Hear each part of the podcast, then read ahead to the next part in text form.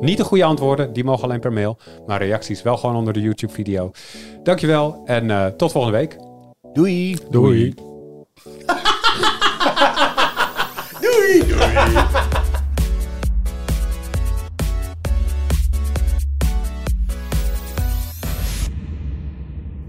Hoi, leuk dat je luistert. Welkom bij de Tweakers Podcast, aflevering 288 en een heel bijzondere aflevering. Mijn naam is Arnoud en ik zit aan tafel met Jurian Nieuwbach. Hey, hallo. Willem de Moor. Hi. En Luc van Drie. Hi. Dat is al bijzonder. Dat is, Daar begint ja, het al. Precies. Die gaat al mis. Um, we hebben in deze 288 afleveringen nog nooit deze tafel gehad. Dat weet ik vrij zeker. Uh, nee, die durf ik ook wel aan. Ja. Dus uh, we kunnen nog steeds nieuwe combinaties maken na al die jaren. En um, wij als speakers bestaan uh, 25 jaar deze week. Um, en dus praten we met de mensen met de meeste ervaring op de redactie, mag ik dat zo zeggen? Dat Niet een, helemaal. Maar een nette manier om te zeggen dat wij oud zijn. Met de, met de oudjes. We praten met de oudjes. dat gevoel kreeg ik ook. Toen ik gevraagd werd om uh, aan, de, aan de tafel uh, aan te schuiven, toen dacht ik van, uh, oh ja, ze zoeken oude mensen. Welkom ja. bij de seniorenkast. Um, en uh, we gaan het ook niet hebben over een actueel onderwerp, wat we normaal wel doen. Doen we volgende week weer. Maar, um, en daar ging de helft van de luisteraars. Sorry. nou, ik denk dat dat wel meevalt. Um, maar we gaan het hebben over uh, uh, de, de, de historie van Tweakers een beetje en onze herinneringen eraan. maar voor we daar komen, hebben we eerst nog iets heel anders. we hebben namelijk een, een win. Een winactie deze week. Een win? Ja, klopt. Ja, we, hebben, ja, we zijn heel origineel geweest in, ja, in het concept. Nee. We hebben het gewoon gejat van Q-Music. Maar hey, dat zijn onze collega's. Collega's, dus. ja. What, what, are they gonna say? Uh, en dat spelletje is het geluid. Daarvan hebben we er niet één, maar drie. Het spelletje is dit. Uh, we laten zo de geluiden horen. Uh, gaan we één voor één naar luisteren. Weet je er één? Stuur het in naar podcast.tweakers.net. Weet je ze alle drie? Stuur ze alle drie in. Maakt niet uit, dan ding je gewoon drie keer mee. We trekken voor elk geluid één winnaar. Um, en die mag een product uitzoeken, een audioproduct ter waarde van 350 euro. Um, dus uh, stuur het in ergens in de komende dagen en dan uh, ding je mee naar de prijs. Um, zo gewoon met de geluiden beginnen, jongens. Ik ben heel benieuwd wat er nu en komt. Jullie mogen Ik niet ook. spoilen wat het is, hè, want anders krijgen we veel te veel goede antwoorden. Uh, dit is geluid nummer 1.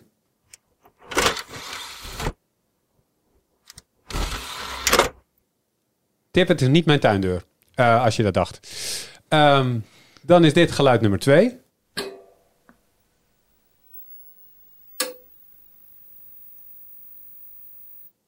Ja. Tot nu toe uh, heb ik echt het gevoel dat ik gewoon de vaatwasser aan het uitruimen ben. ik, ik, ik, dat soort voel, ik voel dat de luisteraar nu naar mij fluistert. Kunnen jullie geluid 2 nog een keer doen? Want dat ging wel heel snel. Oké, okay, we doen het gewoon nog een keer.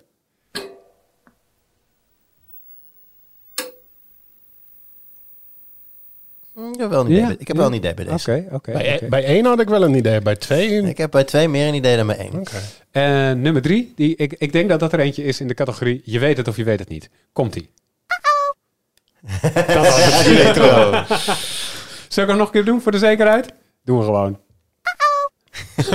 ja, dit is wel eentje die denk ik mensen van onze generatie wel, nog wel zullen kennen.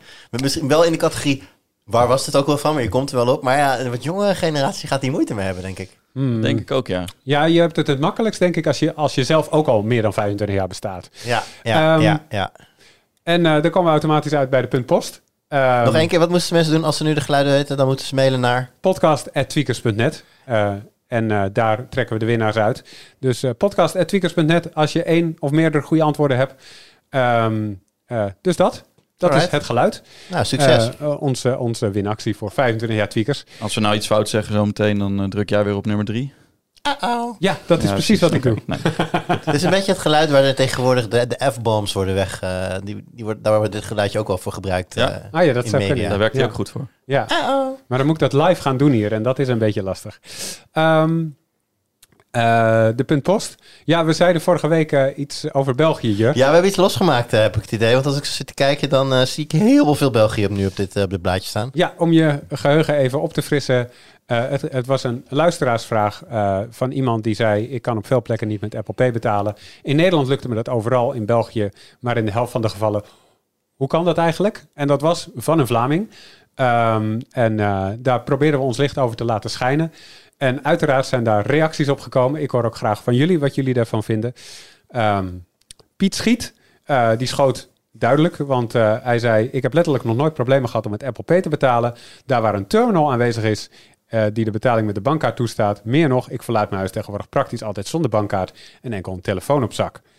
Eh, en sinds kort is het in elke, in elke handelszaak in Vlaanderen verplicht om minstens één digitale betaalmethode aan te bieden of te accepteren. Ehm, dus eh, eh, ja, die zegt, ik heb er eigenlijk nooit problemen mee. Zijn jullie, eh, Luc, ben jij vaak in België te vinden? Heel af en toe. Ik, als ik een stad bezoek. Ja, Uh-huh. ja. En heb je dan problemen met digitaal betalen? Eh, nog niet zo ervaren, nee. Nee. nee. maar ik moet je ook zeggen, ik kom ook wel echt op de toeristische plekken natuurlijk. En misschien een keer bij een tankstation. Nou hoorde ik vorige week ook dat het bij tankstations ook niet altijd zeker is of je kan betalen met... ja, dat met, zei met Jelle inderdaad. Ja, ehm, nee, ik heb het nog niet zo ervaren. En ik, ik herkende me wel een klein beetje in dat dingen in België soms misschien net even iets meer achterlopen dan in Nederland. Ik wil niet nog een keer de hele discussie hier aanzwengelen. dus eh, ma- mail daar voor volgende keer maar weer over. Maar nee, eh, met betalen heb ik dat nog niet gemerkt. Jij Willem? Nee, ik ook niet. Ehm, ik, heb, ik heb al jaren en jaren geen, geen contant geld op zak. En ik heb er nooit Oh. problemen mee gehad. Eh, ja, ook niet in, in Duitsland trouwens. Daar, daar wordt ook heel veel nog contant betaald. Ja. Maar daar hebben ze ook gewoon voor iedereen die elektronisch wil betalen... de, de middelen ervoor. Dus Ja, inderdaad. Maar waarschijnlijk ook hetzelfde wat Luc zegt, vooral in wat grotere steden, Ja. eh, bruisende gebieden om het zo. Ik denk dat je misschien de, de winkeltjes op het wat plattere land, in Duitsland kan dat letterlijk platter land zijn, eh, ja, dat daar wat minder die opties zijn. het zou goed kunnen. Maar daar kom ik eh, net als Nee, Luc precies. ook niet. Ik, ik weet zelfs nog heel recent dat ik in België wel eh, iets heb afgerekend met eh, gewoon contactloos, eh, met mijn telefoon. Mhm. Eh, en dat was eh, koffie bij tankstation. En waarom weet ik dat nou nog? Omdat ik vervolgens, eh, dat was tijdens mijn vakantie, ik kwam terug. Ik moest echt koffie, want we waren heel vroeg vertrokken. Mhm. En eh, ik reed weg. En eh, na vijf minuten dacht ik, nou, die koffie zal nu wel cool zijn. Eh, ik ga een slok nemen. En ik grijp in de bekerhouder in mijn auto. En mijn koffie staat er niet. Die stond nog op mijn dak. Ja. ik, Dus- voel, ik voelde waar het heen ging gewoon. Ja, ik heb dit nog nooit gehad, maar eh, ik, had een, eh, ik had een, hele mooie, eh, een heel mooi spoor van koffie over mijn, over mijn autodak heen. En, eh, Ja. Mijn kopje Mooi. stond er nog, maar hij was wel koud. Hmm.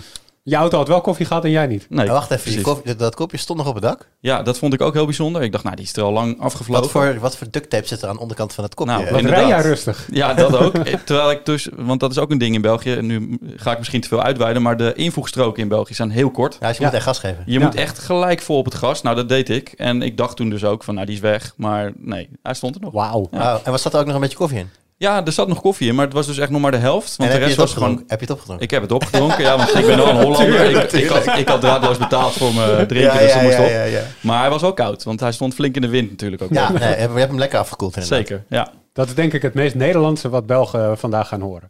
ja. Nog over vooroordelen gesproken, ja. Yes. Iseg, ehm, die zegt, eh, het is dan ook op aanzet van onze banken, en dat bedoelt Belgische banken, dat bijvoorbeeld It's Me ontstaan is, een app om je te identificeren, welke gebruikt wordt door de overheid en banken om makkelijk en veilig in te loggen, maar ook Payconic, welke ontstaan is als een makkelijke manier om in de winkel of gewoon elkaar te betalen via mobiele telefoon. Dat werkt met QR-codes. Dus hij zegt, eh zijn centrale punt is eigenlijk België loopt op dit gebied althans helemaal niet achter. Ehm, en daarover verschillende meningen van Vlamingen ook onderling, merkte ik. Eh, want Urban Joey, ook een Vlaming, eh, die zegt: Ik denk wel dat we achterlopen en wel door verschillende eh, oorzaken, namelijk geen concurrentie. Op telecomgebied hebben we eigenlijk maar twee providers die iets betekenen. En we hebben zoveel regeringen dat geen enkele beslissing hier zonder jaren onderhandelen Ja. gemaakt kan worden.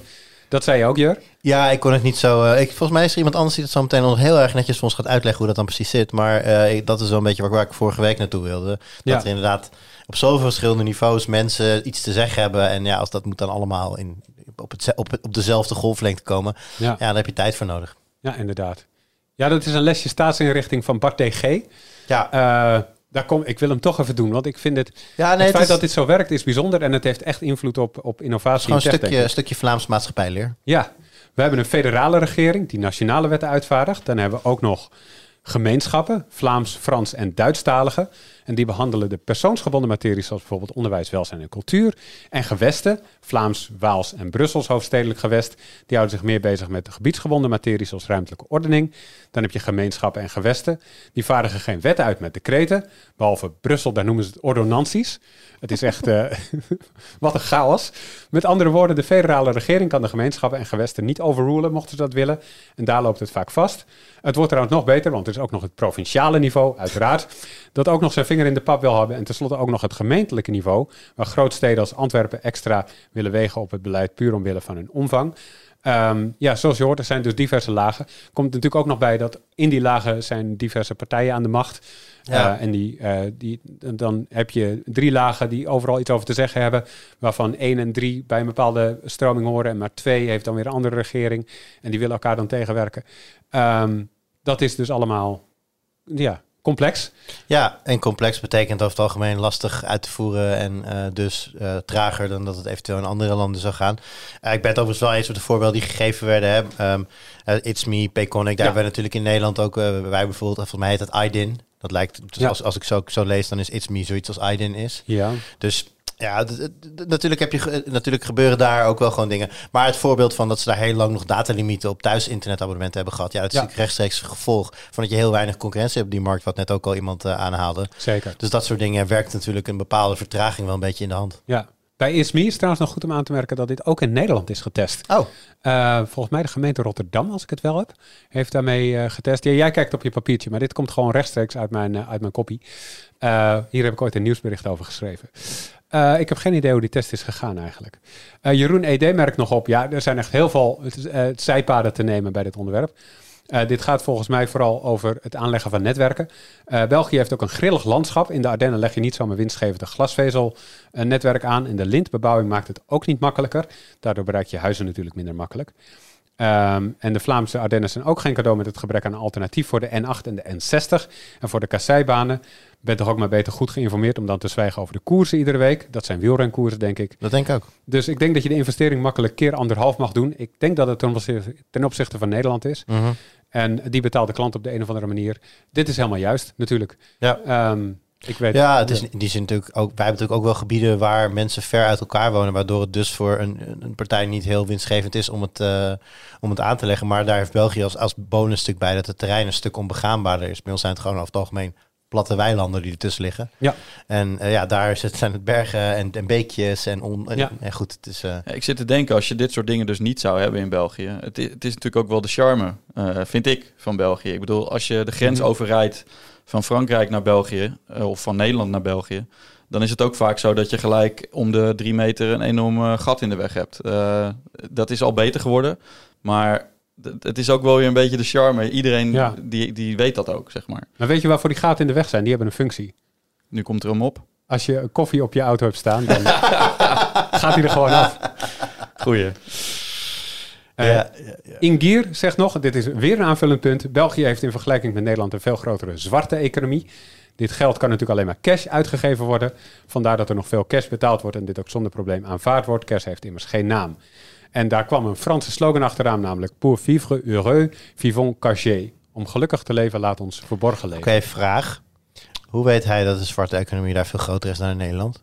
Hmm, dat is een goede vraag. Dat is niet iets wat je makkelijk kan meten. Nee, dat is een aanname die hij doet. En ik ben geneigd om hem te geloven. Want vast, ik heb, geen, ik heb niet een betere bron dan, dan, dat hij, dan, dan hij nu op dit moment. Maar ja, dat is wel typisch iets wat niet in kaart is natuurlijk. Dus het is heel lastig om dat hard te maken. Ik bedoel, we weten natuurlijk dat, dat Duitsland meer met kerst doet dan dat wij nog doen. Ja, Maar ik zou het zich niet heel onaannemelijk vinden dat dat in België ook zo is. Maar het is lastig te bewijzen natuurlijk. dat is heel lastig te bewijzen. De zwarte economie, dat heb je eh, doorgaans niet in, niet, in, niet in zicht, zeg maar. Dus, nou ja. Ehm, tot zover dan België, want dit waren wel echt de inhoudelijke opmerkingen daarover die, eh, die we hebben verzameld. Maar we hadden ook nog andere onderwerpen, zoals het ging over privacy en eh, het lekken van gegevens.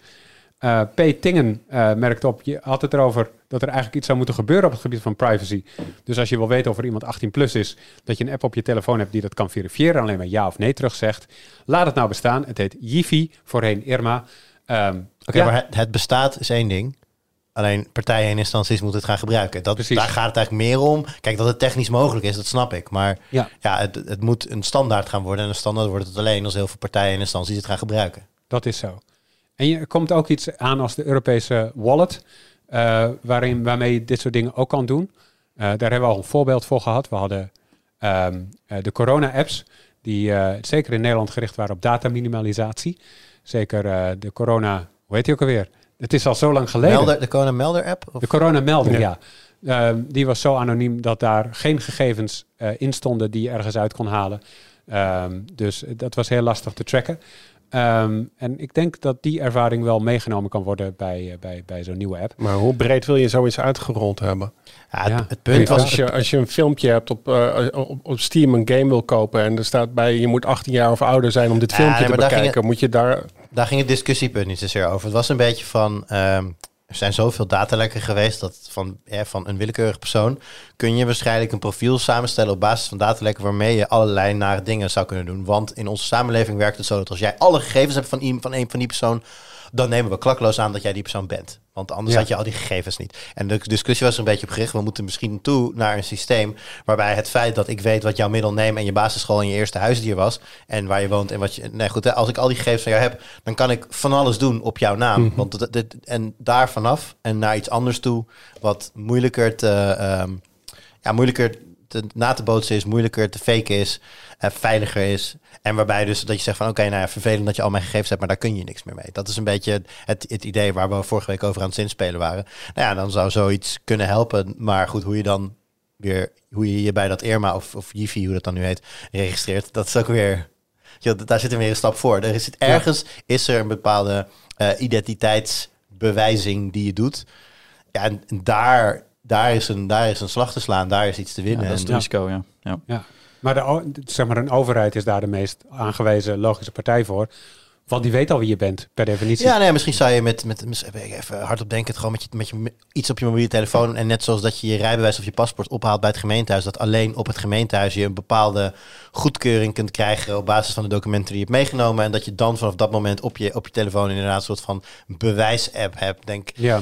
eh, denk weet je, net, net zoals je je, je two-factor authentication eh, apps, maar dan veel, vele malen meer hardcore en eh, moeilijker te kraken. Ehm, ja, zoiets die kant op. Want ja, dat was een beetje waar hoe we daar vorige keer op kwamen. Zoals het nu is, wat je kan met gegevens en hoeveel gegevens er op internet liggen, is eigenlijk een onhoudbare situatie. Mhm. Ja, inderdaad. Eh Shattering merkt nog op dat Microsoft ook zoiets heeft, eh, verified credentials. Ehm, Ja, dat is een beetje het, het, het gevaar natuurlijk. Hè? Want Ja. hij, hij, hij noemt het, volgens mij noemt hij het ook letterlijk big, ja, die, maar dat deze momenteel bij big tech zitten. Dat is een beetje die kanttekening. We weten dat nu zoals het gaat, je, je, je, je, je gegevens zijn in die zin van jou. Ehm, die horen niet uit te lekken. En je kunt bij, bij overheden van alles zelf regelen. Als we het beter willen maken, is de kans dat we in aanraking gaan komen met big tech heel erg groot. En dat is dan weer iets dat we juist niet willen. Maar ja, als, als de overheid nu zegt, oké, we gaan het ontwikkelen. En Microsoft heeft het liggen, ja, wat gaat de overheid dan doen? Nou, ik, ik, vind, ik, ik, ik ben het met je eens in die zin van, stel je voor je wil ehm, iets kopen in een online slijterij. En ehm, daarvoor moet je bewijzen dat je 18 plus bent. Of gewoon in een online supermarkt en daar zit alcohol bij. Maar je moet bewijzen dat je 18 plus bent. Dan ehm, eh, zou dat gewoon makkelijk moeten kunnen. Zonder dat je daarvoor big tech gebruikt. Dat zou gewoon, Ja. daar moet je omheen kunnen. Maar dat is een beetje het risico dat ik nu zie. Dat een, een, een snelle oplossing ga je vinden via big tech. Hmm. Als, als een nationale overheid zijn vinger opsteekt met Microsoft van... goh, we willen dit graag en we zijn heel erg geïnteresseerd in wat jullie gebruiken voor verified credentials. Ja. Dan gaat Microsoft echt niet zeggen, oh, dat vinden we heel vervelend. Nee, zeker niet. Die denken van, oh, dit, dit is kassa, dit is letterlijk massa. Goudmijn. Ja. Ja. Ja, dus, dus die, die, die springen daar meteen op. Maar ik denk inderdaad dat je dat als, als, als overheid en ook als bevolking gewoon niet moet willen. Dat je niet dergelijke belangrijke zaken eh, ja, één op één regelt met een Microsoft, een Google, welke big tech dan ook. Ja. Ik, ik ben wel bang dat je dit dan, zeker met politiek, ga je dit altijd krijgen. Dat ze dan uiteindelijk uitkomen bij, eh, bij Big Tech. Ja, want die weten hoe het moet. Die ja, en die zijn, ook aan, die zijn natuurlijk ook niet gek. Die zijn al lang aan het lobbyen voor dit soort dingen. En dat is wat kleinere bedrijven niet kunnen. Eh, die hebben die hele invloed niet. Ja, Op, een, op een aantal uitzonderingen na misschien, maar de, die komen er veel sneller doorheen. Ah, aan de andere kant is het natuurlijk ook niet nieuw. Hè? Ik bedoel, de, de dingen zoals DigiD is ook gewoon ontwikkeld door, Ja. een, door, een, eh, door een, een bedrijf. eh IDIN wat dat betreft ook. De, de, de dingen die, die nu worden gebruikt voor online eh, je, je identiteit bewijzen. Ja, dat is ook uiteindelijk door een commerciële partij gedaan. Maar in opdracht van de overheid. Ik ben dit niet helemaal met je eens, Luc. Eh, ik heb het idee dat bij eh, politici en overheden de wind de afgelopen jaren wel echt anders is gaan waaien. Dat ze anders zijn gaan denken over de afhankelijkheid van big tech. En dat ze dit hier dus helemaal niet happig op zijn. Ehm, en eh, de Europese wallet, dingen die er nu aankomen, eh, in hoeverre die er gaan komen, leunt ook niet op big tech. Dat is wel echt eigen, eigen spul. Ehm, dus ik heb daar eigenlijk wel, ik heb, ik heb daar wat meer vertrouwen in dan jij. Denk ik. oké, nou ja, goed, dat, dat zullen we dan zien. Maar ik, ik, ik, hoop dit ook, hè. laat ik Ja. dat vooropstellen. Uh, maar er zijn ook een heleboel dingen nog steeds in, in, in eh, Den Haag of in, in de politiek, misschien wel wereldwijd, waar je bij, eh, bij ziet dat dit soort dingen toch vaak dan ja, op die manier fout eindigen. Omdat eh, Ja. de politiek gewoon, ja, dat is nog steeds een spelletje. Ja, inderdaad. Ja, dat is de spijker op zijn kop, inderdaad. Ehm, eh, ARM Game Consoles, we hadden het daar kort over aan naar aanleiding van de Xbox-lekken van vorige week. Ja. Eh, de, de roadmap van Microsoft tot aan 2030 stond gewoon in een PDF. Online, ja, ik heb, door wel, een ik, heb, ik heb inmiddels wel wat artikelen gelezen. Ik heb ze niet, even, niet top of mind, maar dingen gelezen waar, waar mensen ook zeiden van ja, neem het met een korreltje zout. Want het zou wel eens wat dingen in gezet kunnen zijn ook om de aandacht misschien ook een beetje daarop te vestigen. Mhm. Want het is, het is, het is eigenlijk, die zeiden ook, ja, denk logisch na. Eh, Hoe logisch is het dat ze een- daadwerkelijk per ongeluk een hele PDF met hun hele strategie tot 2000. Dat soort documenten bestaan zeker, maar diegene die zei, die artikelen waren erop gericht van, denk er even over na. Het zou ook zomaar gewoon broodje aap kunnen zijn vanuit. Zou kunnen. En plannen kunnen sowieso wijzigen. Zelfs als die helemaal klopt, is het geen garantie dat de dingen uitkomen zoals ze er staan. Ja. En op het moment dat Maar goed, we kwamen op ARM inderdaad, dat klopt. Ja, maar ehm, en daaruit bleek dat eh, eh, Microsoft overweegt om in 2028, als Ja. ik het wel heb, dus ver weg, ehm, een eh, Xbox te maken met een ARM-processor. T. Hommerson zegt erover, voor de PC-gamers zal de overstap van de consoles naar ARM weer een ramp worden. Weer talloze slechte ports van console-games naar PC. Ik haatte dat met passie tijdens de PS3-periode. En ziet dit dan ook weer gebeuren als er weer een overstap wordt genomen. Jur, jij hebt dat allemaal meegemaakt. Senior die je bent. Eh, Nou ja, ehm, hij heeft gelijk. Oké. In principe is in principe als, als, als games op een console, op een machine draaien met compleet andere architectuur dan dat op dat moment gangbaar is op PC. En je wil die game overzetten, dan is dat moeilijker dan dat het op dit moment is. Dus is de kans aanwezig dat de kwaliteit van die overzetting minder hoog is dan dat ze nu zijn. Dus daar, eh, daar, dat, dat klopt. Kijk, de overzettingen vanuit PS3 is natuurlijk in die zin ook wel eh, laat op gang gekomen. Hè. In, Ja. in de tijd van de PlayStation 3 zelf was het zeker niet zo dat eh, PlayStation 3... Maar dat geldt wel voor de exclusives. Had natuurlijk wel gewoon de multiplatform games. Ja. Eh, maar ja, dat was, dat was inderdaad vooral de PlayStation 3 zijn schuld... die gewoon een hele andere architectuur had dan wat op dat moment Xbox en wat je op de PC had. Ehm, ja, Sony was in, in die tijd zelf met zijn, met, zijn, met zijn exclusive sowieso nog niet heel happig op het hele overzetten. Dat is pas een paar jaar daarna gekomen. Denk, ik, gevoelsmatig denk ik wel dat we er beter mee om kunnen gaan dan in die tijd. De mogelijkheden zijn gewoon wat groter. Daarnaast weet je ook niet hoe de PC-markt er tegen die tijd uitziet. Misschien lijkt die architectuur wel weer veel meer op wat op dat moment gangbaar is in een console. Dat kan ook nog. Keek je ook naar Willem? Want ik wilde dat Willem inderdaad vragen. Hebben we twee- tegen 2028 hebben we dan niet allemaal een ARM-PC? Niet allemaal, denk ik. Oké. Goed antwoord. Eh, nee, maar ik bedoel, laptops en dat soort dingen zullen misschien wel ARM-chips hebben. Maar voor echt krachtige desktops dat je wel x86-architectuur houdt. Ja. Maar ik ben juist als PC-gamer zou ik banger zijn dat de console-first eh, gedachte eh, voor slechte ports naar de PC zorgt. Ja, dat, is- dat, was ook, Ja. dat was ook het punt. Dat Ja. zeg maar de, de console multiplatform games, dat die gewoon geoptimaliseerd worden voor consoles. En als die consoles niet lijken op PC's, dan wordt dat voor PC's een Ja. probleem. Maar aan de andere kant, hoe verschilt dat van nu? Want, Ja. ik, want ik heb met Starfield heb ik op de Xbox Series X ja, wel wat bugs en een paar crashes gehad of zo. Maar niet te vergelijken met wat voor proble- problemen er zijn met Starfield eh, op PC. Dus of ja, ik weet niet of ze er nog zijn, maar ze waren in ieder geval bij release wel. Dus in die zin, ja, denk ik dat je uiteindelijk op PC sowieso wel rekening mee moet Ja, maar dat is weer een beetje het hele verhaal van er zijn zoveel combinaties met, eh, Ja. van, van PC's eh, Ja. met hardware eh, tegenover Ja, de, goed, de de paar kern- configuraties van Xbox. Ja, Ja. maar de kern van eh T. Hommerson, zijn eh, constatering, vrees, klopt natuurlijk wel. Maar de PC-markt blijft dan kennelijk ook te klein om echt de duimschroeven aan te draaien bij de gamemakers. Dat er wel goede ports komen. Ja, vind ik lastig te zeggen. Kijk, van oudsher is het zo dat consoles de moneymakers waren. Ook omdat je natuurlijk op PC veel grotere problemen had met piraterij en dat soort dingen. Ja. Zo is ooit de focus eh, op console gegroeid en gegroeid en gegroeid. Ik vind het lastig om, over, om nu te zeggen dat dat over vijf jaar hetzelfde is of compleet anders is. Ehm, kijk, wat natuurlijk wel is, is dat als je een console koopt, dan kun je ervan uitgaan dat je de komende vijf jaar games op een bepaald niveau kunt spelen. Als jij nu een Ja. game PC koopt, dan weet je dat je hem binnen drie jaar moet upgraden. Want ja, of je moet genoeg nemen met dat je hem van, van, van, van, van ultra naar high en medium. Dus in die zin, eh, dit is een verhaal dat gaat over, over hoe makkelijk het is om in te stappen, over wat, het- wat het kost om bij te blijven. En dat, ja, daar heeft PC gewoon natuurlijk altijd een nadeel in. En dat weet je ook als gamemaker. Van, nou ja, we, we hebben gewoon een bepaalde installbase van consoles. Ja. Terwijl als we een game maken voor PC, ja, dan moeten we nog maar kijken waar we de systeemhuis kunnen krijgen en welk deel we dan mee hebben. Dus Ja. ja, console first, eh, gevoelsmatig zeg ik, zal wel leidend blijven. Denk het ook. Oké. Ehm, dan nog een, eh, een opvallende eh, puntpost van Ray 1992 XD. Ehm, Eh, iets, iets waar ik niet van op de hoogte was namelijk. Via een van de vele gratis shells op het web heb ik links geïnstalleerd. Deze shells zijn goud om overal waar je bent gebruik te kunnen maken van Linux. En gezien ik graag in de terminal leef, vond ik het een mooie vondst dat de website, het logingedeelte en het forum perfect werken via een text-based browser.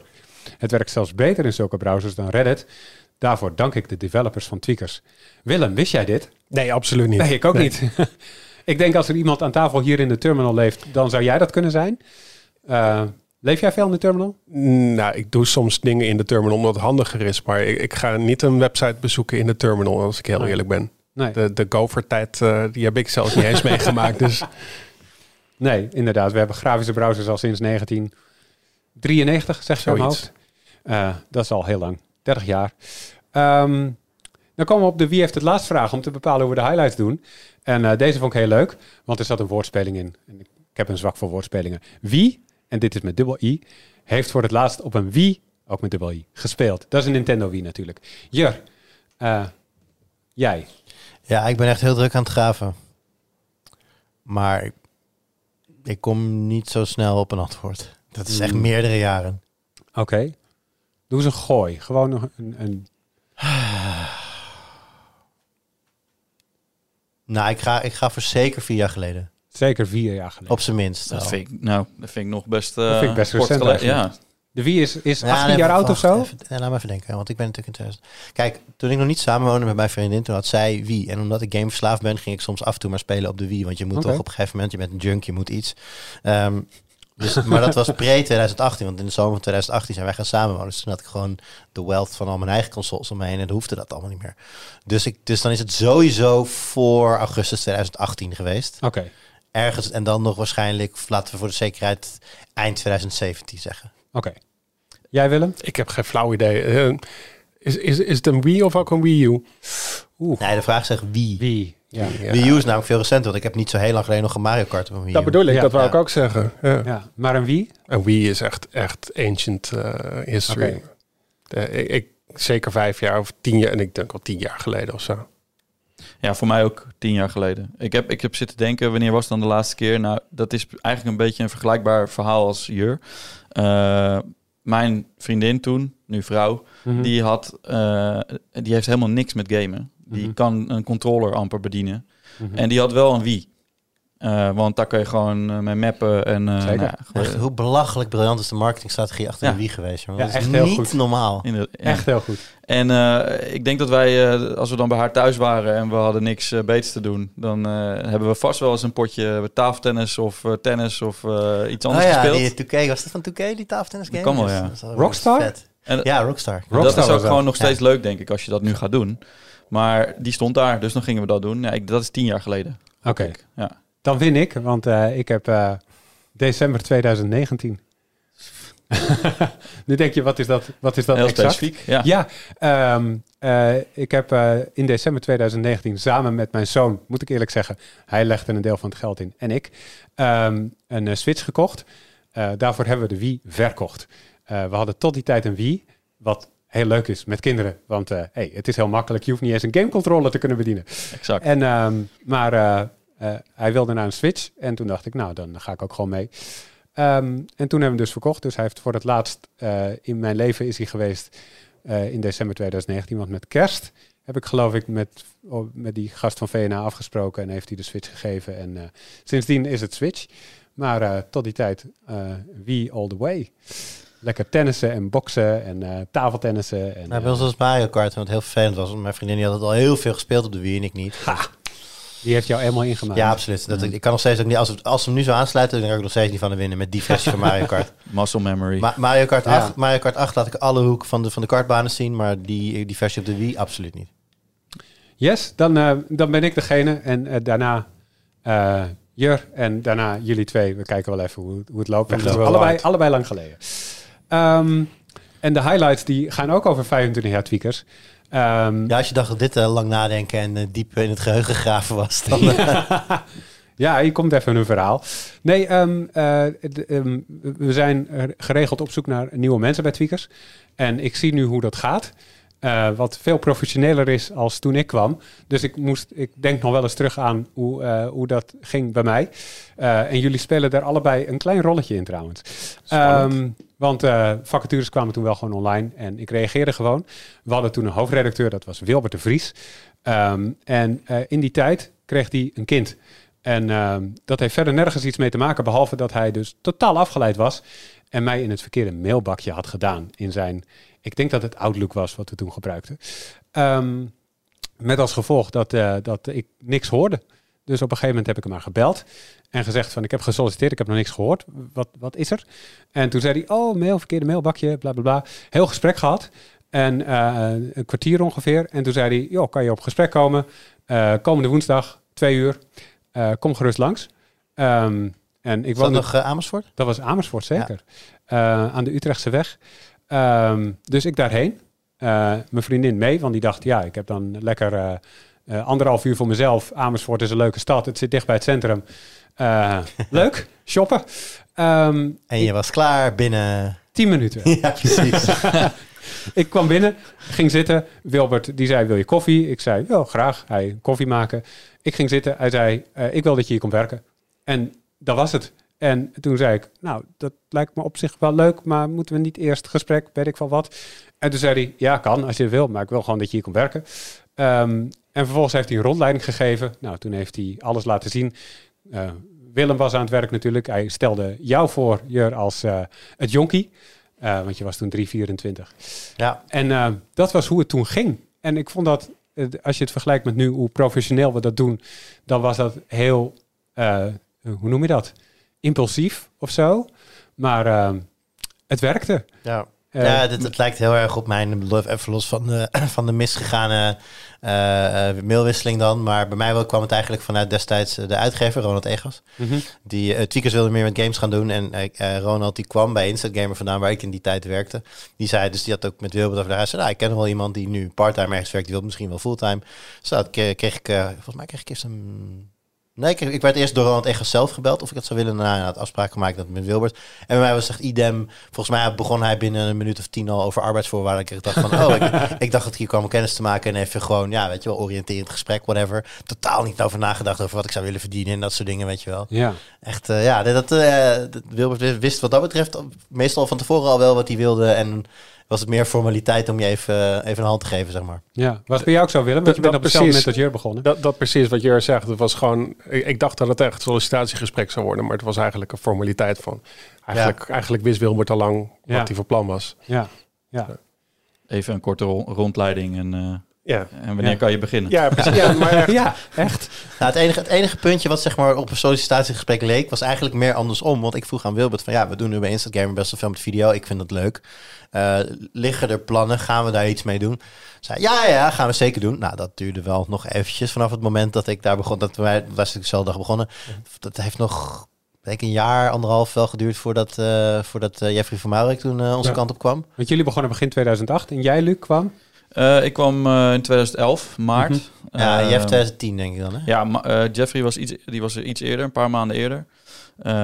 Jeffrey van Maurik, die, daar werkte ik ook daarvoor al bij een ander bedrijf mee. En die ging naar Tweakers. En nou, eigenlijk vrij kort daarna belde die al van... Luc, ik wil dat jij hier ook naartoe komt. Kan je een keertje op sollicitatie komen? Mm -hmm. Toen kwam ik bij Daniel Kegel in zijn kantoor. Ja, ja. Die, was toen, die heeft, had inmiddels het stokje overgenomen van Ronald Egas. Die was ja. weer wat anders gaan doen. En dat was eigenlijk ook zo'n gesprek. we hebben het eigenlijk helemaal niet per se over inhoud gehad. Het ging eigenlijk gewoon meteen van... ja, wanneer kan je beginnen? en wat, wat zou je eigenlijk willen verdienen? En ja.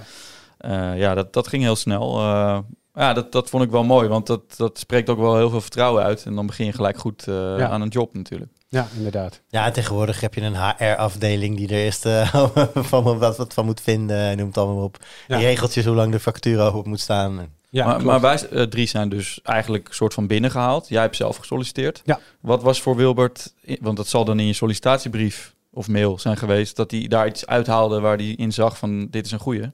Ja, ik, het, het was de fase waarin, uh, want in het begin was Tweakers uh, in de nieuwsvoorziening natuurlijk heel, um, hoe noem je dat, los en niet heel journalistiek. Het was gewoon, hier is een linkje, ik zet er wat... Understatement van de dag, ja. gewoon dit. Mooi verpakt. Ja, maar het was gewoon nieuws doorplaatsen met een meestal uh, grappig bedoelde of sarcastische opmerking erbij. dat werd gaandeweg de jaren steeds professioneler. Maar echt journalistiek was het nog niet. En Wilbert was daar wel van. Die kwam van Webwereld vandaan, wat toen wel een serieuze journalistieke techtitel was in Nederland. En hij wilde dat van Tweakers ook maken. En um, hij had de vrijheid dus om best wat mensen aan te nemen. Nou, er zitten er nog steeds drie aan tafel, dus goed gelukt. En um, hij wilde daar zeker ook wel journalistieke ervaring bij binnenbrengen. En daarvan waren er tussen de sollicitanten niet heel veel, maar ik was daar één van. Um, dus ik denk dat hij daarop aansloeg en daarom dacht van, hé, hey, die moet ik binnenhalen. Uh, ik denk dat dat echt de gedachte was toen. Ja, klinkt ja. logisch. Ja.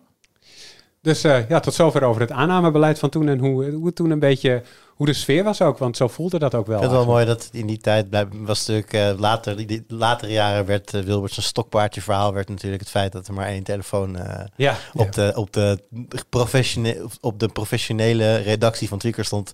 Toen hij begon één telefoon en dat ja. was een van de eerste dingen die hij volgens mij toen heeft aangepakt dat iedere redacteur gewoon een telefoon op zijn, op zijn bureau had staan. Ja, klopt. Ja, dus, uh, nou ja. En tegenwoordig hebben we ook weer geen telefoonsposbureau meer. Want ja, wie gebruikt dat nog? Dus uh, inderdaad. zijn we weer full circle. Ik weet dat wij allemaal een telefoon op ons bureau hadden. Maar de helft had hem eruit getrokken. Want je werd helemaal uh, gek van de telefoontjes die niet voor je, voor je ja. bedoeld waren. Ja, wat, wat in de latere jaren staat op een gegeven moment in Amsterdam-Noord. en het NDSM-werf. En toen werden we werden gebeld door mensen die op zoek waren naar... Nou, wat hebben we allemaal gehad? Turks consulaat. Turks consulaat, ja. Die was populair. Die hebben we meerdere keren gehoord. Verschillende winkels.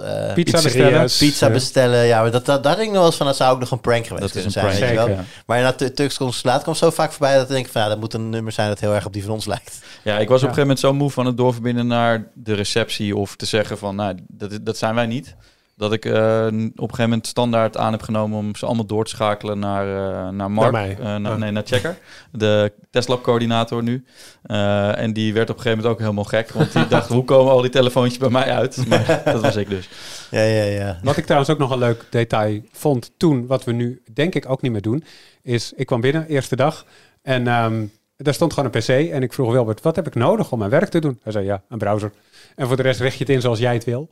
Um, en, uh, ja, dus is, dat, is, dat is binnen DPG Media is dat niet ja, bij standaard, ons wel. maar bij ons nog steeds wel, toch? Ja, je kan, ja maar het, je hoeft niet meer zelf te zorgen dat je PC werkt, zeg maar. Nu, je krijgt wel een kant-en-klare laptop tegenwoordig. Je krijgt een kant-en-klare laptop. Ja, maar die mag je nog wel, die zijn wel Tweakers is daar in de uitzondering. Dat is de redactie van Tweakers. Wij krijgen wel onbeheerde laptops in die ja. zin. We krijgen gewoon een kale, kale Windows installatie. En daar mogen we dan zelf mee doen wat we willen, min of meer. Ja, inderdaad. Maar verder wat je nodig hebt. Kijk, er zijn natuurlijk wat dingen gestandardiseerd. Zoals, ja, weet je, je kunt, als je je vinger opsteekt en je hebt de goede reden dat je het nodig hebt, kan je de Adobe Suite krijgen. Dat soort dingen. Ja. Dat, is, dat is wat makkelijker nu. Maar voor de rest is het nog steeds van, nou ja, kijk maar naar je werk wat je nodig hebt. En laat ja. maar weten als het geld kost. Ja, inderdaad. Um, Jur. Ja, ja, uh, 25 jaar highlights heb je even. Nee, ik, uh, ik, ik, ging, ik ging even nadenken en uh, al deze verhalen zijn langs geweest. En de, de talloze keren naar de E3 natuurlijk, vaak met Luc ook. Maar omdat Luc er altijd bij was, heb ik dat maar niet gekozen. Nee, ja. ja je maar, hebt dan toch Luc erbij, hè? ja, nee, nee, nee, had ik geen op een stokje. Nee, er zijn een paar dingen die voor mij echt heel erg uitspringen qua hoe bijzonder het was wat we hebben gedaan. En hoe trots ik ook ben dat het allemaal gelukt is en dat het, dat het allemaal ook echt leuk was. Een van is Tweakers Gaming Live. Ja. Dat is, uh, we hebben natuurlijk in de, door de jaren heen heel erg veel events gedaan, maar dit was wel qua, qua scope uh, een tikje groter dan dat we normaal deden. 2017 hebben we dan over? 18? Uh, 18 volgens mij, 2018. Dat is wel leuk als je dat nu opzoekt. Dan krijg, zie je een hele... Uh, Wout, voordat hij uitvond wat een fitness was, geeft, dan een, geeft dan een rondleiding over de, over de beursvloer en zo. Het is leuk om te zien. ja, nee, dat was heel bijzonder. Want het, het was... een van de leuke dingen vond ik dat eigenlijk alle takken van Tweakers er wel bij betrokken waren. Dus uh, redactie deden hard aan mee, marketing, sales natuurlijk, development deed een deel en ook veel met partners samenwerken van buitenaf. Uh, nou ja, daarvan kende ik natuurlijk vanuit de Gamehoek veel mensen ook goed. Dus voor mij kwam een wereld... Kijk, het is eigenlijk heel gek. Uh, tweakers is tweakers, maar ik heb ook nog een hele wereld buiten tweakers. Want de gamewereld die speelt zich eigenlijk buitenaf. Ik ben, mm -hmm. ik ben op trip of ik ben op bezoek bij iemand of ik heb contact. En dat is niet zozeer bij. En nu kwamen die werelden samen. Nu zat ik in, zeg maar met de, de mensen die dan de events deden bij tweakers, zat ik ineens samen met de mensen die vanuit de game-uitgevers betrokken wilden zijn bij zo'n event. Dus dat vond ik al heel leuk. En ook gewoon naarmate dichtbij kwam, er waren best wel dingen die kiele killy gingen die net niet helemaal gelukt zijn. Of die op het laatste moment nog net lukt. En dat is gewoon vet. Daarmee zit je, dat is niet wat ik in mijn normale werk natuurlijk niet zo heb. In echt project-based. Um, en dan naar het event toe, nou ja, toen gingen de kaartjes niet zo hard als gedacht, maar uiteindelijk werden er nog wel, zeker op zaterdag, waren er een goed aantal wel gewoon verkocht. Ja. Dat, het, eh, dat het druk genoeg was. Eh, bij de finale van, uh, van Counter-Strike zat het ook gewoon wel lekker vol daarbinnen. Zo had je ook echt wel een beetje, wij waren, toevallig was ik met Luc, volgens mij het jaar daarvoor waren wij naar um, Polen geweest. Ja, dat klopt. Voor de Intel Extreme Masters. Nou, dat is, dat is zeg maar Champions League e-sports niveau. Ja. Maar dit was natuurlijk vele malen kleiner, min prijsgeld, minder goede spelers. Maar wel diezelfde vibe had je wel een beetje. Het publiek dat meeleeft, reageert op wat er op het scherm gebeurt. En daar was ik wel echt heel trots op. En eigenlijk wist ik op dat moment nog niet eens hoe bijzonder het was. Maar we hadden toen uh, Wart Gene, uh, journalist, die, en die vroeger Power Olympic is daarna gaan toeleggen op e-sports. Uh, die zat bij ons aan tafel daar, want we namen daar toen ook al de Tweakers podcast op. Oh ja. En die vroeg ik aan ons van, weten jullie eigenlijk wel qua, qua orde van grootte waar dit staat nu op Nederlandse begrippen. En ik had echt zoiets van, nou ja, het is wel best wel oké, dus top 10 of zo, weet je wel. Zo, nee, is echt top 3 en misschien wel top 2. Gewoon qua, qua hoe groot, qua... En toen dacht ik, en toen dacht ik in eerste instantie, Oh, dat vind ik eigenlijk best wel tegenvallend voor Nederland dan. Want dat, dat, ik, had, ik had gehoopt dat we verder waren. Tegelijkertijd ook wel heel trots dat wij dus als het relatief kleine tweakers... en met onze eigen inspanningen zoiets neer kunnen zetten... en dan meteen zo'n toch wel goed georganiseerd uh, ja, e-sports toernooi konden neerzetten. En dan natuurlijk met de beurs voor en de hele landen nog bij. Het was echt hè, een, een, triple whammy wat dat betreft. Want die, die, land, die landvoer staat volgens mij ook gewoon voor het grootste gedeelte uh, vol. En daar werd de hele nacht ook gewoon doorgegamed. Uh, wat ik me heb laten vertellen in ieder geval. Want ik, ja. Jij hebt lekker geslapen. Ik lag gewoon lekker in een bungalowpark ergens in de, in de buurt te slapen inderdaad. Uh, nee, dat vond ik toen heel tof. Veel, veel leuke reacties ja. gehad. Echt, en nog steeds vragen mensen van... Hey, gaan jullie dat eigenlijk ook nog eens een keer doen? Zeker het eerste jaar daarna uh, werd het veel gevraagd. Want toen werd er gekozen voor even een jaartje niet. Want nou ja, het is best wel een onderneming. Moest veel mensen bij, moest hard aan getrokken worden. Um, ja, en kort daarna kwam natuurlijk uh, corona. En ja. toen uh, gingen alle plannen voor alle. Want volgens mij is het concept lag er, heeft er lange tijd nog wel gelegen in, in de koelkast. Als in zouden we eventueel ook nog wel een keer kunnen slash willen doen. Maar ja, had niet super veel prioriteit. Ja, met corona is er een, een harde streep doorheen gegaan. Dus dat is uh, jammer. En wat, ik, wat ik heel erg had bij Tweakers Gaming Live, ik kreeg heel erg het gevoel uh, van wat Tweakers ook echt is. Ja. Mm -hmm. Zeker op die LAN-party. Ja. Uh, al die mensen die elkaar kwamen helpen. Weet je, de een was een kabeltje vergeten. Die, die, ging, die, die kwam dan weer ergens aan. Aan de andere kant van de zaal kwam weer een kabeltje vandaan. Uh, iemand had geen stoel bij zich of hij kon niet zitten. Nou, dan werd het ook gefixt. Het, het, ja. hele samenhorigheid, die hele samenhorigheid die daar was, dat is echt ja. wat Tweakers ook is. En dat past zo goed bij, bij het merk. Ja. Uh, ja, je had ook echt precies alle kanten van, als je het hele platform Tweakers bekijkt en ja. wat is gaming daarop, had je alle kanten erbij. En dat op het LAN, op de beursvloer met de Mario Kart uh, toernooitjes die er waren en de, de ROG-bus, die stond er geloof ik en dat soort dingen. Ja. En dan inderdaad, ja, e-sports is natuurlijk van oudsher zeker het minst wat uh, hoort het minst bij tweakers. Maar ja, vormde ook wel weer een soort van mooi punt daar aan het einde van die gang waar mensen dan toch even naartoe liepen, even gingen kijken. Dus dat was uh, ja, een mooie drie-eenheid wat dat betreft. Ja. En uh, ik had nog een andere highlight. Of willen jullie nog iets zeggen over Tweakers Gaming Live? Nee, ik ga maar verder. Ja, want het, dit staan, het is eigenlijk een beetje een 1A en een 1B wat dat betreft. Uh, ja, hier kan ik zelf wat minder credits voor geven. Want ik heb, ben, ben hier in de voorbereiding minder bij betrokken geweest. Anders dan ideeën, adviezen. Maar de Gamescom, Gamescom Express. Wat was dat? Dat was een... Uh, wij gingen volgens mij was het in 2014 voor het eerst. Gingen wij, hadden we zelf een trein gehuurd. En uh, hadden we volgens mij plaatsen aan 500 of 550 mensen die dan een kaartje kochten bij ons. En dan zet je, heb je dus een plek in de trein waar je dus kunt game. Dus het was een, een game, uh, of meerdere game delen waren. Er was een bar. Je kon, nee, goed, je kon het gewoon op je eigen 3DS. Dat was, dat was de tijd van de 3DS. Vast kon je gewoon lekker gamen. En ja, je ging dus met 550 gamers. Uh, reden we dan naar, naar Keulen toe, naar het station aan de overkant van de, van de Gamescom. En bij je kaartje in zat natuurlijk ook de toegang van de Gamescom. Dus kon je daar lekker rondlopen op de, games, op de Gamesbeurs. En dan uh, aan het einde van de dag weer met dezelfde trein uh, terug. En dan eventueel daar nog meer gamen. Of wat toch ook wel vooral heel veel mensen deden, gewoon bier drinken mm -hmm. in, de, in de trein. Uh, ja, dat vond ik wel super bijzonder. En ook die trein is helemaal van buitenaf bestickerd. Volgens mij de eerste jaar hadden we ook een hele grote Call of Duty sponsoring, geloof ik. Dus was ook iemand die volgens mij met een drone uh, dat die trein over een brug reed. Boven een van de grote rivieren. En had ja, die wist precies wanneer die langs zou komen. Ja, en, en die, die is toen ergens gaan staan met ja, zijn drone. en het was nog vroeg, ja. dus het zonnetje was een beetje aan het opkomen. Dus je had echt zo'n zo goud. Ja. En daar reed dan die, die tweakerstrein zo door dat landschap. Ja, ja dat was wel echt tof. goud om te zien. Kwam uit de koker volgens mij van Frederik. Frederik Zevenberger, Zeef, onze voormalige community manager. Ja. En dat is wel... Kijk, we hebben natuurlijk, ik zei het al, we hebben heel veel events gedaan. Uh, met altijd heel enthousiaste uh, bezoekers daarbij. Sowieso nu nog steeds de ABO-dagen vind ik echt heel erg leuk om uh, bij te staan. Ik baal dat ik dit jaar ziek was.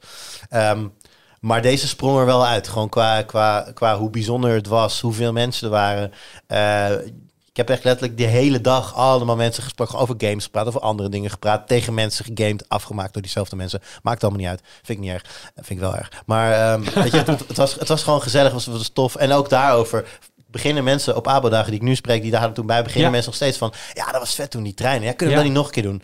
Ja, dat is dat je uiteindelijk je moet jezelf niet te vaak gaan herhalen. We hebben het een aantal keer gedaan. Merkte ook wel, dat is zo simpel moet je ook zijn. De eerste keer super enthousiast, uh, die kaarten vlogen weg. Tweede keer ook nog steeds. Derde keer werd het al een beetje minder. En volgens mij was de derde ook de laatste, als ik het goed heb. dus ja, dan merkte je gewoon van, oké, weet je, de, in het begin, het is een beetje, je werkt naar een piek. Die piek was het tweede jaar, derde jaar was nog steeds goed genoeg vier jaar zou dat wellicht niet meer zijn geweest. En toen hebben we er een streep onder gezet. en jij zit natuurlijk vast aan het feit, wordt het een beetje een, toffe beurs. Die mensen willen ook gewoon naar de Gamescom. Ja. En uh, als het jaar wat minder is en je verwacht wat minder goede games, ja, dan ga je ook niet. Ja, dat, precies. Dat, dat viel mij toen ook op. Kijk, voor ons is het, wij zijn wat Gamescom betreft super verwend. We gaan erheen en we hebben een heel afspraken schema staan, waarbij ik alle topgames in, een, in, in twee dagen tijd kan, kan zien.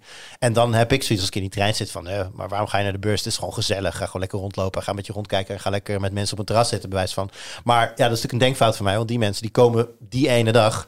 Ja, en heel veel hadden gewoon echt een bepaalde game gewoon wel echt denkbeeldig omcirkeld van daar wil ik heen. Ja. En ja, ik weet niet of dat toen Zelda was en die was, was, was, was eerder. Ja, trouwens. 16 zou nog wel hetzelfde zijn geweest. Maar goed, neem even Zelda als voorbeeld. Mensen, dat ik dan ook tegen die mensen zei van... oké, maar houden wel rekening mee... dat daar een rij van vier uur staat. Ja, vind ik niet erg. Nee. Ja, ik wil die game gewoon zien. Weet je wel? Ja, ik ga wel vier uur wachten. Ik heb mijn DS bij me en uh, prima. Maar, jij zegt dat. Ik heb ook mensen gesproken toen. Die gingen niet, die gingen niet eens naar de beurs. Die gingen gewoon. Ja, die gingen, uh, die gingen, gewoon in de Ja, maar op, op een rare manier snapte ik dat heel goed. Ja, ik want ik, had, maar goed, voor ons is het zeg ik. Voor ons is het anders. We hadden die games natuurlijk al lang gezien. Dus voor ons is dan de beurs aan Ik kan me niet voorstellen dat ik vier uur in een rij ga staan voor een game. Waarom niet? Omdat ik dat niet hoef te doen. Want dus ja, ik kan dat niet. Ik kan dat niet. Ik kan niet diezelfde inschatting maken die zij maken. Maar inderdaad, er waren ook gewoon mensen die zeiden van nee, maar ik vind het super gezellig in die trein. En maar zo meteen gewoon even een beetje ja. waren mensen naar een museum geweest ook nog. Bij, ja, uh, Volgens mij vlakbij het Houtbaan heb je daar zo'n zo'n soort museum. Er zijn mensen heen geweest en daarna zijn ze uh, langs, uh, langs de... welke, is dat de Rijn? Ja, de Rijn. Ja. Langs de Rijn zijn ze, zijn, zijn ze bier gaan drinken. Ja, ik, ik had ineens met de Maas. Toen dacht ik, wat de Maas loopt daar niet. Maar die zijn dus inderdaad gewoon op het terras gaan zitten. Ja, gelijk heb je. Dat was wel, was, en dan inderdaad iedereen weer terug die trein en op een gegeven moment. En weer ja, er zaten mensen vanaf uh, Amsterdam tot aan Keulen gewoon in de coupé waar, je, uh, waar eigenlijk niks was. Want er uh-huh. waren heel veel coupés waar je van alles kon doen. Uh, van gamen tot aan iets, iets creëren, iets maken. tot, tot lege coupés waar je gewoon kon zitten. Als, je, als je de drukte even zat was. maar die mensen zaten gewoon met z'n allen in, de in, die, in die coupé. En die zaten allemaal met hun, uh, met hun Switch of wat dan ook, ja. uh, zaten ze tegen elkaar te gamen. Ja, en, en, en dat vergeet ik nooit meer, volgens mij vertrok de trein uh, vanaf Amsterdam Centraal ongeveer half zeven, maar 6.30. Ja, heel vroeg. 6.30 ja. reden of 6.45 reden we weg uit Amsterdam. En toen waren de eerste half liter blikken al open. Wauw. ja. Heftig. Ja. ja heb, ik nee. heb ik trouwens wel verteld van mijn minuscule aandeel in, in het ontstaan van de Gamescom Express? Vertel. Um, op een dag ging de telefoon aan mijn bureau. En um, uh, we kregen inderdaad heel vaak rare telefoontjes. En ik nam op en uh, dit was iemand die zei, spreek met tweakers. Ik denk, nou, dat is in ieder geval goed, goed verbonden. Zei, ja, ik heb een bedrijf en wat wij doen is, we laten custom treinen rijden. Ik zei, custom treinen op een modelspoor? Nee, gewoon over het spoor. Over het spoor gewoon. Zei, ik denk, misschien kan tweakers daar iets leuks mee doen. Uh, dus ik dacht, neem eens contact op. Het klinkt niet alsof je een klein aandeel hebt gehad dan. En uh, toen heb ik doorverwezen naar, uh, naar, uh, naar Frederik. Want ik dacht, ja, als iemand er iets mee kan, dan is hij dat, denk ik wel. Dat was mijn aandeel dan ook. Maar ik weet nog dat ik ophing en dat ik dacht, ja, hier ga ik nooit meer wat van horen. maar dat liep even anders. Ja, precies. Ja, dus- nee, wat blijft een, een iconisch ding, de Gamescom Express. Iedereen die erbij was, die, die laat het ook altijd even weten. Zo van, ik was daarbij op de Gamescom Express. Ja. dat is leuk. Hier zijn, er zijn video's van trouwens. Dus als je terug wil kijken, dan, dan is het te checken nog. Yes. Uh, Willem. Ja, jij had mij gevraagd, uh, um, moet een highlight opschrijven van in mijn geval 15 jaar tweakers of iets meer. Ja, maar, misschien zit je al langer op de site, dan mag het ook van tevoren zijn. Maar. Ja, nee, maar de, de tijd dat ik hier werk... Is, dat is wel goed. Wanneer ben je geregistreerd? Of wanneer zijn jullie geregistreerd bij tweakers? Want ik weet namelijk dat ik geen account had. Ik ook niet. Toen ik, ging werken. Dus ik ben op 2 januari 2008 ben ik, ben ik geregistreerd. Same. Ik uh, had wel een account, uh, maar ik wist niet meer de username. En toen heeft uh, ter plekke, volgens mij bij mijn sollicitatie, ik denk dat het Kees is geweest of iemand die heeft toen opgezocht van ja, uh, welk e-mailadres zal dan onder zitten? Nou, dat was dus een heel oud hotmailadres wat ik al lang niet meer gebruikte. uh, maar het is wel teruggevonden toen en ja, het was heel simpel. Het was gewoon mijn naam. Maar, okay, ja, moeilijk. Maar, maar uh, ik, ik, ik wist het niet meer zeker. Ik wist ook niet meer of die nog bestond, want ik was niet op dat moment niet heel actief. Maar mm -hmm. ik had er wel eentje, ja. ja. Oké. Okay. 2000 vier of vijf heb ik me geregistreerd, volgens mij. Ja? Ik heb me ook geregistreerd in 2004, maar dat account heb ik opgegeven, want ik had het daar met Wilbert over toen ik begon. Ik zei van, ik kan dat account gebruiken, maar uh, ik ben niet altijd even lief geweest tegen de moderators. Um, zullen we dit wel doen? En toen zei hij, ja joh, maak toch gewoon een nieuwe. dus dat heb ik gedaan. En uh, ja, dus uh, officieel staat mijn registratiedatum op uh, ik augustus 2000. Ik weet niet hoeveel mensen mos luisteren, maar nu komt er een heksenjacht naar welk account dat dan was. Wat vroeger ik ben heel benieuwd of ze erachter komen. Ook een leuke prijsvraag. Ja. Maar goed, ik, ik onderbrak Willem natuurlijk in zijn intro. Dus nou, ik, ik, zat gisteren dus even naar, naar oude foto's te kijken. En uh, ik kwam allerlei leuke dingen tegen. Een mooie uh, walk down memory lane. En een daarvan was um, toen wij tien jaar bestonden, werkte, mhm. werkte ik daar net. Uh, en uh, toen sneden we onze taart aan uh, met, een, met een netwerkkaart. Ja. want waarom zou je mes gebruiken? Precies. Dat, dat, vond dat werkt prima. Ja, precies. Vond, vond ik echt mooi. en ehm, ik, kwam, ik kwam allemaal leuke tripjes tegen. De eerste keer naar Computex in Taipei. En, -huh. en sindsdien ben ik een beetje, een beetje verliefd op Taipei geworden.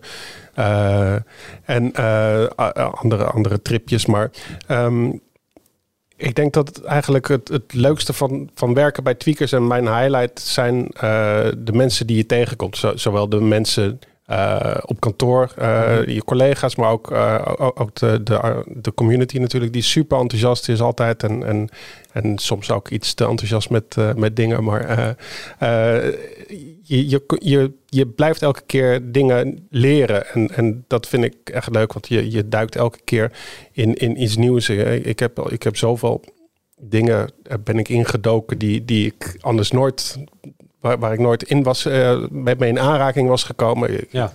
Weet ik veel, printers doe ik nog steeds. 3D-printers vind ik nog steeds super leuk. Ik heb drones gedaan. Mm ja, ik vind dat echt super leuk om, om, om elke keer weer iets nieuws waar je dan helemaal uh, in kan verdiepen. En, en, en nou, dat... Ja, jij bent denk ik, Willem, van de hele redactie wel de persoon, als, als je het aan mij vraagt, degene die echt van ook zijn hobby zijn werk in die zin heeft gemaakt. Want jij hebt heel vaak projectjes waar je eigenlijk zelf privé ook al mee bezig bent of wilt gaan, die je dan ombouwt tot uh, iets waar je ook over kan schrijven. En ja. dat is super tof voor tweakers, want dat zijn wel de onderwerpen die je wil. Zeg maar. Dat zijn echt de leuke, de leuke dingen.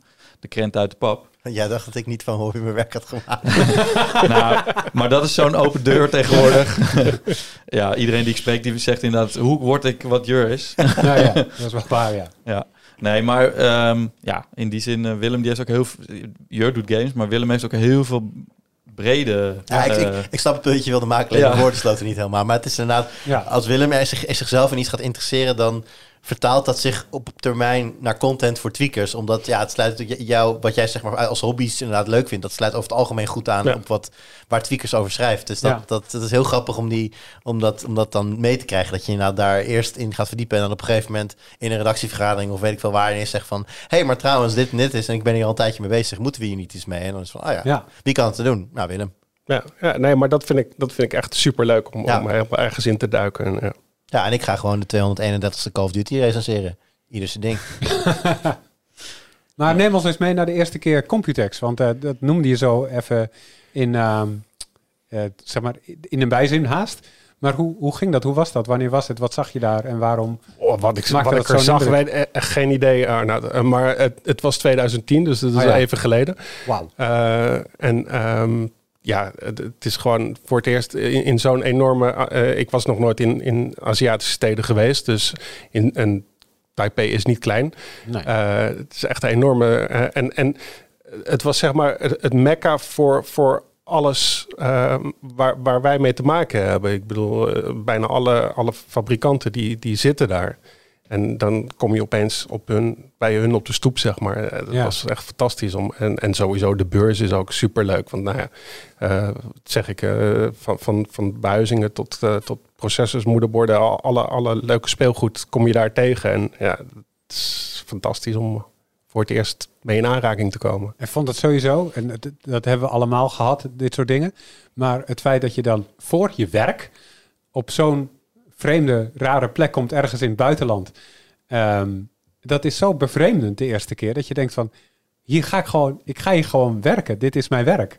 Uh, terwijl je dat normaal misschien voor een vakantie zou uitzoeken of, of helemaal nooit komt. Um, ja, ik vind dat echt een wonderlijk ja. uh, en, en mooi iets eigenlijk. Ja, wat dat betreft, we hebben echt enorm mazzel met dat soort dingen. Ja, Zeker. ja dat zeker. is eh, zeker een, een mooie perk of the job. Eh Luc, Ja. Ja, eigenlijk ook een beetje. eh, Kijk, ik, het voor, ik, zit, ik heb sinds het begin bij het videoteam eh, gezeten. En eh, het voordeel is dat je dan eigenlijk met iedereen. Nou ja, ik ben met, een, met iedereen die hier nu aan tafel zit. Dat zijn er maar drie, maar ben ik mee op trip geweest. En allemaal voor hele andere onderwerpen. Ja. En zo geldt het eigenlijk voor de hele redactie. Ik ben met, met bijna iedereen op de redactie, denk ik wel, een keertje ergens naartoe geweest. Kan ook binnen Nederland zijn, maar ook aan de andere kant van de wereld, zoals met Willem naar Computex. Ehm, en eh, ja, dat blijft iets heel bijzonders, eh, dat je dat voor je werk mag doen. Mhm. Ehm, en ehm, ja, wat ik daar ook bij heb, is er zijn altijd een paar van die terugkerende eh, onderwerpen die je dan bij dat soort trips hebt. En dingen die je echt bijblijven. En een van die dingen is bijvoorbeeld altijd een struggle voor ons geweest, zeker met video's uploaden en zo. Ja. Dat is internet. ja. En dan pas merk je hoe bevoorrecht wij zijn in Nederland met een goede internetverbinding. Dat is echt bizar. Ehm, ik denk dat mijn eerste echte grote trip, dat was naar Amerika met, eh, met Jur. eh, en toen nog met Jeffrey en eh, met Paul. Was dat die keer dat jullie in een ander hotel zaten? dan? Ja, dat was de eerste keer dat we er mee, mee naartoe gingen. En eh, Heb ik- je vriend niet toen nog in de Starbucks gezeten Ja. te uploaden? wij hebben bijna elke nacht, en dat is dan zeven dagen dat je daar bent. eh, wij wilden die video die we die dag hadden geschoten, die wilden we de volgende ochtend in Nederland online hebben. Nou ja, je hebt negen uur tijdsverschil, dus ja, dan moet je wel een beetje op tijd uploaden. Ehm, nou ja, in het, in het hotel, de uploaden, en dat was geen, dat was geen karig hotel. Dat was Nee, gewoon echt zaten een, in dat eh, best wel iconische, volgens mij is dat het Bonaventure Hotel. Dat is dat hotel met die vier ronde pijlers, zeg Ja. maar. In een, eh, Mhm. als, je, als je downtown alleen een beetje kent, dan weet je nu precies wat ik bedoel. ja, dat is Westin uh, Bonaventure. Wester, Wester Bonaventure. Ja, en dat is van eh, de film True Lies. Misschien ken je hem wel met, eh, met, met Arnold Schwarzenegger. Die dan met een soort Harrier straaljager vliegt die eh, rondjes om die iconische toren eh, van, dat, eh, van dat hotel. Maar het internet ging niet als een straaljager dus. nee, zeker niet. Het kwam er dus op neer dat Jeffrey en ik eigenlijk om en om, want ja, je moet ook slapen. Het is al vermoeiend genoeg zo'n zo'n week. Eh, zijn we gewoon s'nachts, liep ik om twee, drie uur s'nachts, liep ik in mijn eentje met een laptop onder mijn arm. Liep ik eh, op straat te zoeken naar een Starbucks of een McDonald's of iets, iets waar ze wifi hadden. Eh, werkende wifi vooral. Ja, dit was 2011, hè? Kun je nagaan. bedoel, Dat is, dat, toen zat je echt nog gewoon, zeker voor Amerika, echt gewoon in de dark days. Ja, zeker. Maar ja, nog, nog steeds wel. Dat het, dat het gewoon echt wel lastig is. ja. En ehm, nou ja, zo heb ik ook een mooi, eh, een, een mooi verhaal. Eh, eh, we gaan ook altijd naar CES in eh, Las Vegas. Mhm. Grote beurs. Daar hebben ze in het perscentrum best wel oké internet. Maar het komt ook wel eens voor dat je een edit hebt gedaan. En dan ga je vervolgens gelijk weer door naar de volgende opname met een redacteur ergens op de beursvloer. Nou, dat is ook een keer gebeurd bij Sony. Sony had altijd s'avonds om een uur of zes, zeven hadden ze een persconferentie. En dan daarna kon je hands-on met alle nieuwe producten. Dus ik had een edit net af. Ik denk dat die nog aan het exporteren was terwijl ik over de vloer alweer liep uh, naar, naar de Sony stand. En uh, ik moest die video uploaden, want die moest over een half uur of een uur moest die online in Nederland. Uh, dus voordat ik ja, echt naar die persconferentie toe mo kon, moest ik eigenlijk nog even internet hebben ergens. Ja. Uh, toen kwam ik een hele aardige meneer tegen van Sony Nederland. En die, die heeft mij toen um, een hokje ingeduwd. en ik zag daar een ethernetkabel liggen. Dus ik was super dankbaar. Ik klik die in mijn laptop en ik ga die video uploaden. En het was nog super snel ook, die verbinding. Wow. Ik had nog nooit zo'n snelle verbinding gehad in Amerika. En um, nou ja, ik, ik, denk, nou, ik zit hier eigenlijk wel goed. Ze hadden ook koffie. En uh, ik, ik, nou, ik, kon nog niet zoveel doen op de vloer zelf. Dus ik denk, ik blijf even hier zitten. En uh, op een gegeven moment komt, uh, komt er iemand binnen. En ik herkende hem eerst niet. Maar dat was dus Kazirai van, uh, van Sony, de, Mhm. mm -hmm. de, grote baas. En die, uh, die, die stond opeens voor mijn neus. Wat blijkt nou? Dat was het hokje van Kazirai. Voordat hij de persco ging doen, ha. mocht hij daar even zichzelf opfrissen, even klaarmaken voor de persco. En ik zat daar als Nederlands, Nederlands jochie, zat ik met mijn laptop. zat ik zo, oh, hallo. ja, ik ga zo weg, maar ik heb nog 2% upload. Wacht even. dus dat zijn wel van die dingen. Ja, daar moet ik dan nu heel hard om lachen. Maar op dat moment dacht ik wel even van... Uh, het zweet brak je uit. Ja, ik, ik was wel even zenuwachtig. uh, maar goed, ja, nu lach je daarom. Dus dat, dat zijn echt van die dingen die ik me heel goed, uh, die ik me heel goed herinner. En um, um, ja, een ander ding wat mij echt is bijgebleven is dat... Uh, we, zijn, we hebben heel veel mensen ontmoet in het buitenland ook. Mm -hmm. Nederlanders die bijvoorbeeld in het buitenland werkten. Of ja, echt techbekendheden die, die we zijn gaan interviewen. En daar ga je dan best wel zenuwachtig heen. Eh, het is toch wel even iemand die je gaat ontmoeten. Eh, en dan kwam je daar en dan bleek dus dat die persoon die je best wel hoog hebt zitten, eigenlijk een nog grotere fan is van tweakers dan jij van hem bent. Zeg maar. Ah, voorbeelden. Ik wil voorbeelden. Eh, even kijken. Nou ja, bijvoorbeeld eh, ehm, eh, in, in Silicon Valley hebben wij mensen, ja, hoge pieven in de, in de boom van, van Facebook geïnterviewd. Van de polder naar de valley, was dat die serie? van de polder naar de valley. En eigenlijk iedereen die wij daarvoor hebben geïnterviewd, die, die, ja, die, die, die zeiden ook van, nou, ik kom al jaren op tweakers en ik, ik, ik, ik, ik bezoek het echt eh, dagelijks, want ik vind het echt mijn, mijn bron voor nieuws. En ik vind het echt, het is, het is ook een beetje houvast aan Nederland vaak voor die mensen, want ja, ze zitten verder natuurlijk in, een- in een soort van bubbel daar. Mhm. Ehm, en dat, dat is gewoon heel gaaf om, om, om te zien. En ja, ook eh, interviews voor bijvoorbeeld Polderpioniers, die serie die we hebben gemaakt. Ja. Eh, Nederlandse techhelden. die kenden eigenlijk allemaal al tweakers als je ze opbelde van... we zouden het leuk vinden om u, want het waren vaak al wat oudere mensen... Zeker. om u te komen interviewen. De, de, de, de bedenker van Bluetooth. eh, de, Ja. de, de, de eerste de persoon die, die internet in Nederland eigenlijk heeft opgezet. Eh, die mensen die wisten allemaal eigenlijk al eerder wat tweakers was dan dat wij dat wisten. En dat, ja, dat is een grote eer, maar dat is ook gewoon heel bijzonder om zo iemand dan zo over tweakers te horen praten. Ja, mooi. Mooie Ja. verhalen, dat Ja. maak je dan ook allemaal mee. Ehm, ja, eh, ik, ik denk dat we hiermee aan het einde komen van deze highlights, gok ik. Ja. Ehm, tenzij iemand nog iets wil toevoegen, en nu een herinnering heeft eh, gekregen waarvan hij dacht van... Ja, maar nou, dat, dan kan ik aan de gang blijven. Met Ja, alles echt, wat jullie vertellen, heb ik meteen, ah ja, dan is dit nog, dat nog. Bijvoorbeeld was met Luc toen in Polen, hebben wij daar bij Hartwell ontmoet. En die kende Tweakers ook. Die was van, ah ja, Tweakers, ja, Pricewatch. Ja, daar haal ik altijd iets met laptop dingen of zo. eh, keek je er altijd Dat is wel vaak wat Oh, zeggen. Als ik een nieuwe laptop moet, dan... Ja, eh, nee, Dat is, het is, kijk, je hebt inderdaad een groep die echt fan is en ook inderdaad de content of misschien wel actief is op het forum. Maar nog veel groter deel weet gewoon wel wat de Pricewatch is en dat ze daarheen moeten voor nou ja, al hun hardware en dat soort dingen. En dat vond ik dan wel grappig, want inderdaad, eh, ja, hard wel veel bekender dan dat worden ze niet eh, wat, wat, wat betreft Nederlanders in het buitenland.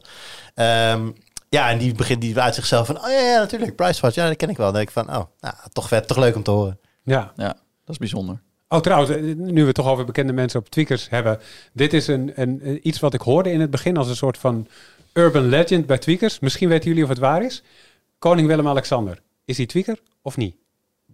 Ik weet, Geen ik weet het antwoord niet. Ah, jammer. Eh, ik dacht, misschien weten jullie dat. Nee. Ik hoorde dat, maar toen was het al, zeg maar, in de tijd dat dat voorbij was of zo. Dus ik heb geen idee hoe dat precies eh, zit. Maar ik denk, ik check het even. Ja, wie, wie heeft... die- hey, is er een username Willy?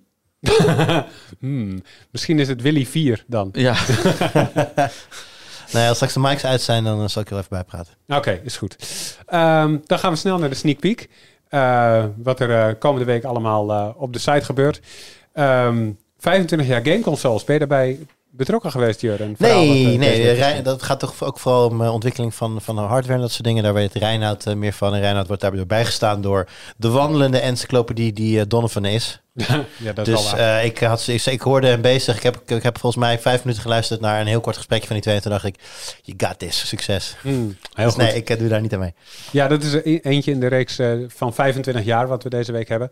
Um, een andere is nog een interview met uh, drie... Uh, ja, want ik, ik, noemde jullie senioren en veteranen, maar Femme, Arjen en Kees, die zijn nog veel langer bij Tweakers betrokken. Namelijk Femme is de oprichter.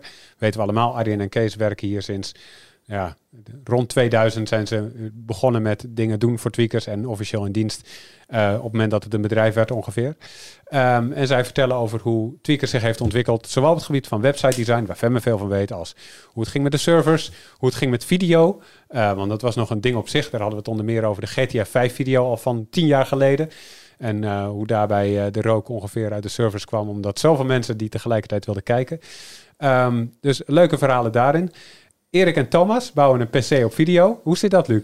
Ja, dat is echt heel leuk. Uh, wij zijn vorige week de studio ingedoken en, uh, en Erik en Thomas die uh, staan eigenlijk als een soort van head-to-head -head in de studio. En die, daarbij gaat Erik, die gaat een, een moderne PC bouwen. En mm -hmm. Thomas die bouwt een PC uit het jaar dat hij zelf nog niet eens geboren was.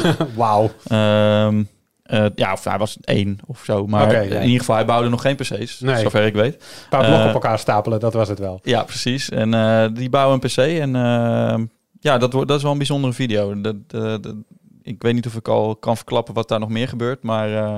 ik denk dat de mensen er gewoon lekker die video moeten gaan dat kijken. Dat denk ik ook. Dat denk ik ook, ja. Maar daar, daar zit wel iets heel moois aan vast. En nee, dat moet je zeker checken. Oké, okay, heel veel zin in. Ehm, we hebben weer een terug in de tijd. Ehm, dat, is, eh, nou ja, dat past mooi in deze week vol nostalgie, denk ik. Eh, de collega Heite heeft het onder meer over het begin van eh, Google Chrome, maar ook Steam, eh, wat inmiddels al bijna 20 jaar geleden is. Eh, FC24, Ja, de ja, game formerly known as FIFA. ja, ja, druk mee bezig. Ik hoop, eh, als het alles goed gaat, staat hij volgende week woensdag online. Maar dat is een eventjes kleine slag om de arm, maar ik ben daar druk mee bezig. En mocht je nu afvragen, wow, is dit dan een hele andere game dan de vorige FIFA's? Nee, Hmm. Nee. nee, alleen de naam is anders. maar de naam is zeker anders. Ja, nice.